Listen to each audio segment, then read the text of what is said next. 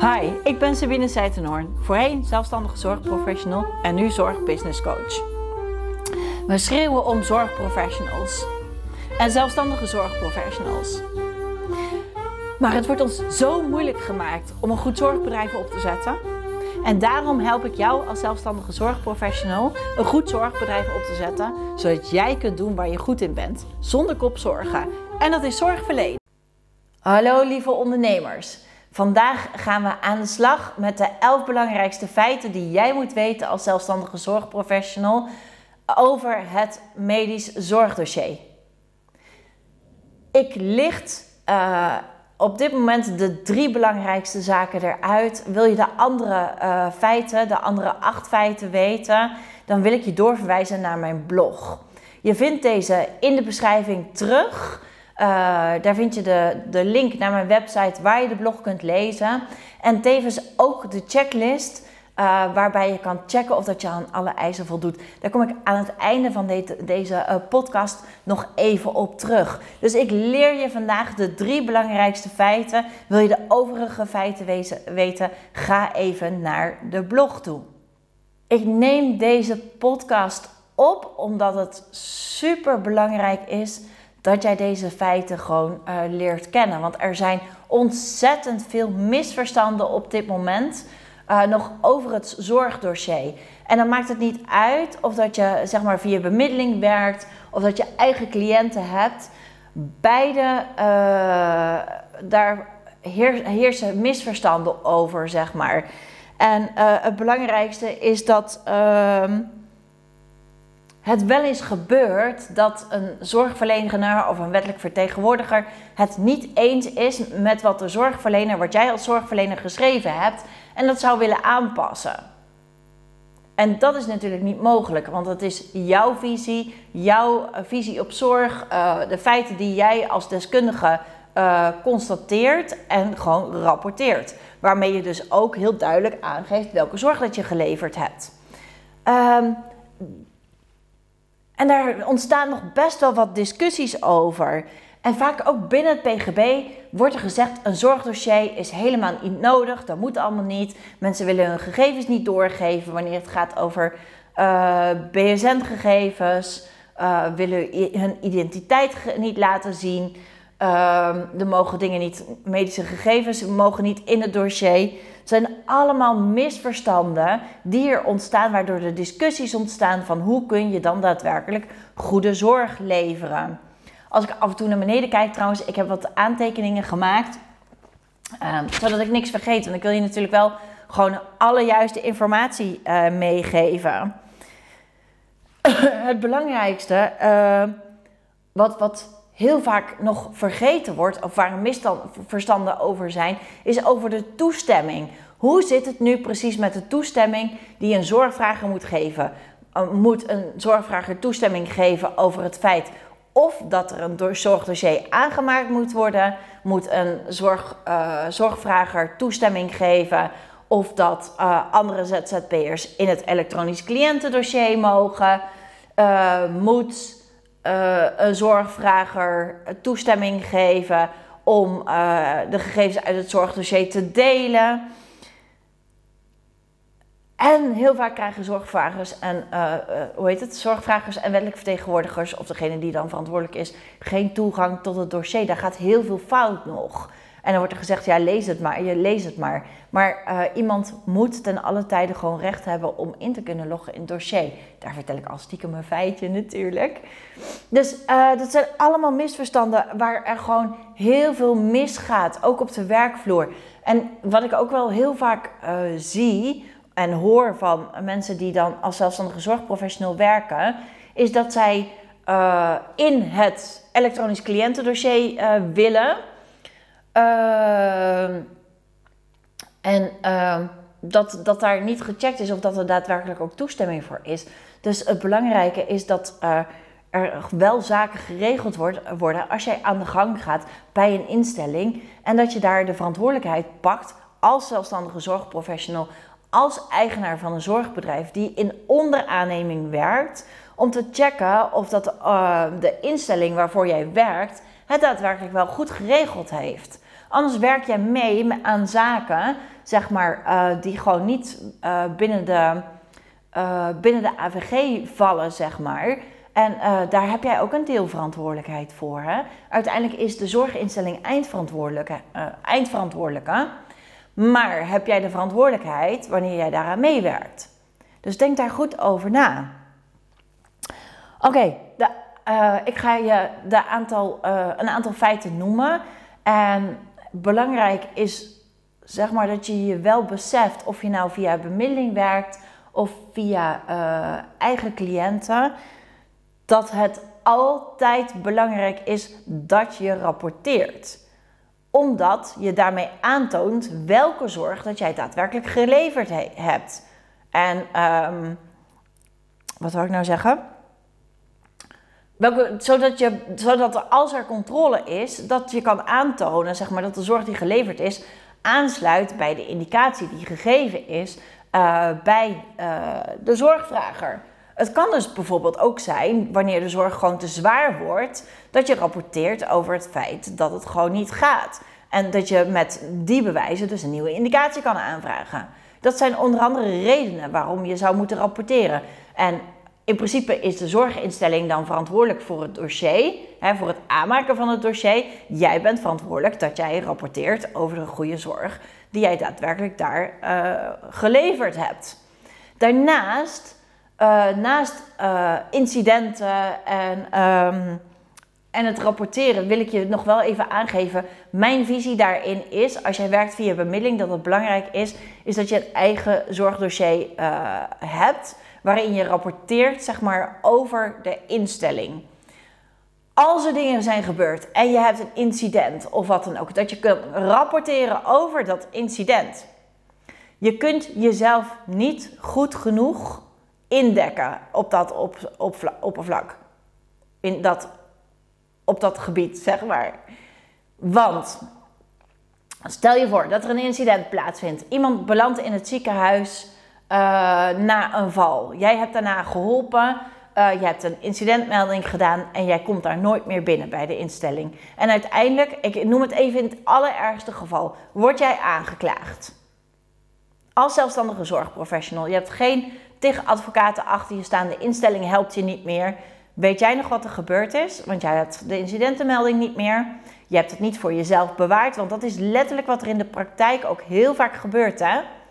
Je hebt de incidentenmelding heb je niet meer. Je weet niet meer precies wat er gebeurd is, want je hebt het nergens gerapporteerd. Je hebt het nergens voor jezelf opgeschreven. En dan sta je daar. Dit zijn punten om heel goed over na te denken over hoe dat jij rapporteert en hoe je de verantwoordelijkheid neemt voor jezelf in je eigen bedrijf. Hoe je jezelf dus daadwerkelijk ook indekt. En natuurlijk, als jij dus als zelfstandige werkt met eigen cliënten, dan heb je gewoon een zorgdossier. Ik hoor nog al te vaak dat er uh, zelfstandige zorgprofessionals zeggen: Ja, dat heeft nooit gehoeven. Ik heb nog nooit een dossier aan hoeven te maken. Hier rust dus echt een heel groot misverstand op. Want je bent gewoon verplicht, en dan komt de eerste feit, om een zorgdossier aan te maken over de behandeling van je zorgvrager op basis van de wet WGBO.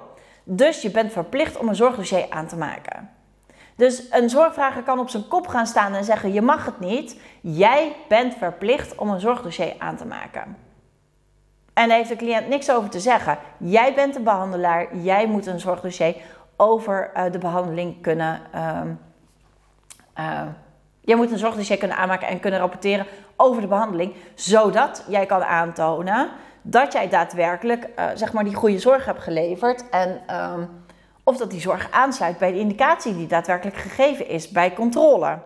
Dat zijn een aantal punten. Hè? Je moet ook in het dossier uh, de medische gegevens neer kunnen zetten en uh, dat kunnen opvolgen, zodat jij gewoon de kwaliteit van zorg kan gaan waarborgen. En het lastige hiervan is heel vaak als er samengewerkt wordt met andere ZZP'ers, dat andere ZZP'ers niet mee willen werken, dat er niet gerapporteerd wordt. Daar zit nog een heel hekelstuk aan wat volgens mij nog opgelost moet worden, waarin heel veel andere ZZP'ers nog een goede samenwerking met elkaar zouden moeten vinden en de verantwoordelijkheid met elkaar zouden moeten pakken om daadwerkelijk die goede zorg op te pakken, de kwaliteit van zorg te kunnen waarborgen. Maar dat terzijde. Dat was feit 1. Feit nummer 2. Medische gegevens mag je als zelfstandige zorgprofessional of als zorgverlener verwerken als het nodig is om de zorgvrager goed te kunnen behandelen. Dus medische gegevens mogen verwerkt worden in het dossier als het nodig is om uh, de zorgvrager goed te kunnen behandelen. Nou, volgens mij is dat 9 van de 10 keer zo dat jij de medische gegevens van iemand nodig hebt om daadwerkelijk uh, zeg maar een zorgvrager goed te kunnen behandelen. Maar goed, dat laat ik aan jou over als zorgprofessional of dat het zo is. Dus um, je mag dus de medische gegevens verwerken in het zorgdossier. Het allerlaatste feitje komt er nu aan. En um, dit is denk ik een hele belangrijke om te weten voor je. Is dat je dus geen, nu even goed, goed opletten. Je hoeft dus geen toestemming te vragen om uh, gegevens uit het dossier te delen met diegenen die betrokken zijn bij de behandeling of bij de zorg. Ik ga er nu even een aanvulling uh, op uh, maken. En dan zeg ik eigenlijk een beetje een stukje. Ik ga, je een beetje helpen. Dus feit nummer 4, zeg maar. Tenzij in juli 2020, zeg maar, het een elektronisch. Of dat je het. Als je de gegevens elektronisch gaat delen, zeg maar. Dus stel dat jij de elektronische uh, gegevens. Of als jij de gegevens via het elektronische cliëntendossier gaat delen. Dan moet je toestemming vragen aan iemand. En anders, als je uh, met iemand in gesprek gaat of met een ergotherapeut in gesprek gaat, dan mag je de gegevens, uh, zeg maar de casus van de cliënt, delen met degene die betrokken is bij de behandeling. Ik hoop dat ik je met deze video of wanneer je de audiopodcast luistert een stukje verder heb geholpen. Ik wil je nogmaals even verwijzen naar de acht andere feiten die jij moet weten als zelfstandige zorgprofessional om goed te kunnen werken met een medisch zorgdossier, met een medisch zorgdossier. Uh, en ik zeg medisch tussen aanhalingstekens voor degenen die luisteren en het niet kunnen zien. Uh, check de blog op mijn website en ik vertel je de acht andere feiten die jij moet weten. In de beschrijving vind jij een checklist waar ik uh, voor jou een aantal zaken heb neergezet die jij moet checken als je aan de slag gaat met een zorgdossier. En dat kan je per zorgvrager eigenlijk uh, gewoon doen. Of eigenlijk wanneer je via onderaanneming werkt, altijd even in je achterhoofd moet hebben. En even checkt als je bij een instelling gaat werken. Hebben zij dat daadwerkelijk allemaal op deze manier geregeld? Zo kun jij zorgen dat jij jezelf ook juridisch indekt en dat je gewoon netjes zorgt dat jij voldoet aan die AVG-eisen. En dat je gewoon um, voldoet aan de privacygegevens van, uh, van je zorgvrager. Deze checklist kun je dus keer op keer op keer op keer kun je die gebruiken. En uh, pak dus je verantwoordelijkheid en ga werken aan die veilige dossiers. Ik zou zeggen, uh, ik wens je vandaag een hele fijne dag. Download die checklist en uh, ga ermee aan de slag. Dankjewel voor het luisteren weer. Ik vind het een eer dat ik via deze weg mijn kennis met jou mag delen en je een klein stukje verder mag helpen bij het ondernemen in de zorg en bij je persoonlijke ontwikkeling. Vind je deze podcast nou super interessant? Maak dan een screenshot en plaats deze op je social media kanaal. En vergeet mij niet te taggen, want ik vind het echt heel leuk om te kijken of te zien welke podcast jij geluisterd hebt en uh, waar jij dan ook het meeste van leert. Mag ik je om één hele kleine gunst vragen? Wil je deze podcast dan een rating geven op iTunes of op Spotify of waar jij hem dan ook luistert, zodat er steeds meer zorgvragers deze podcast kunnen vinden en dat we allemaal dus samen kunnen werken aan een gezonde, goede zorg in Nederland, want het is hard nodig.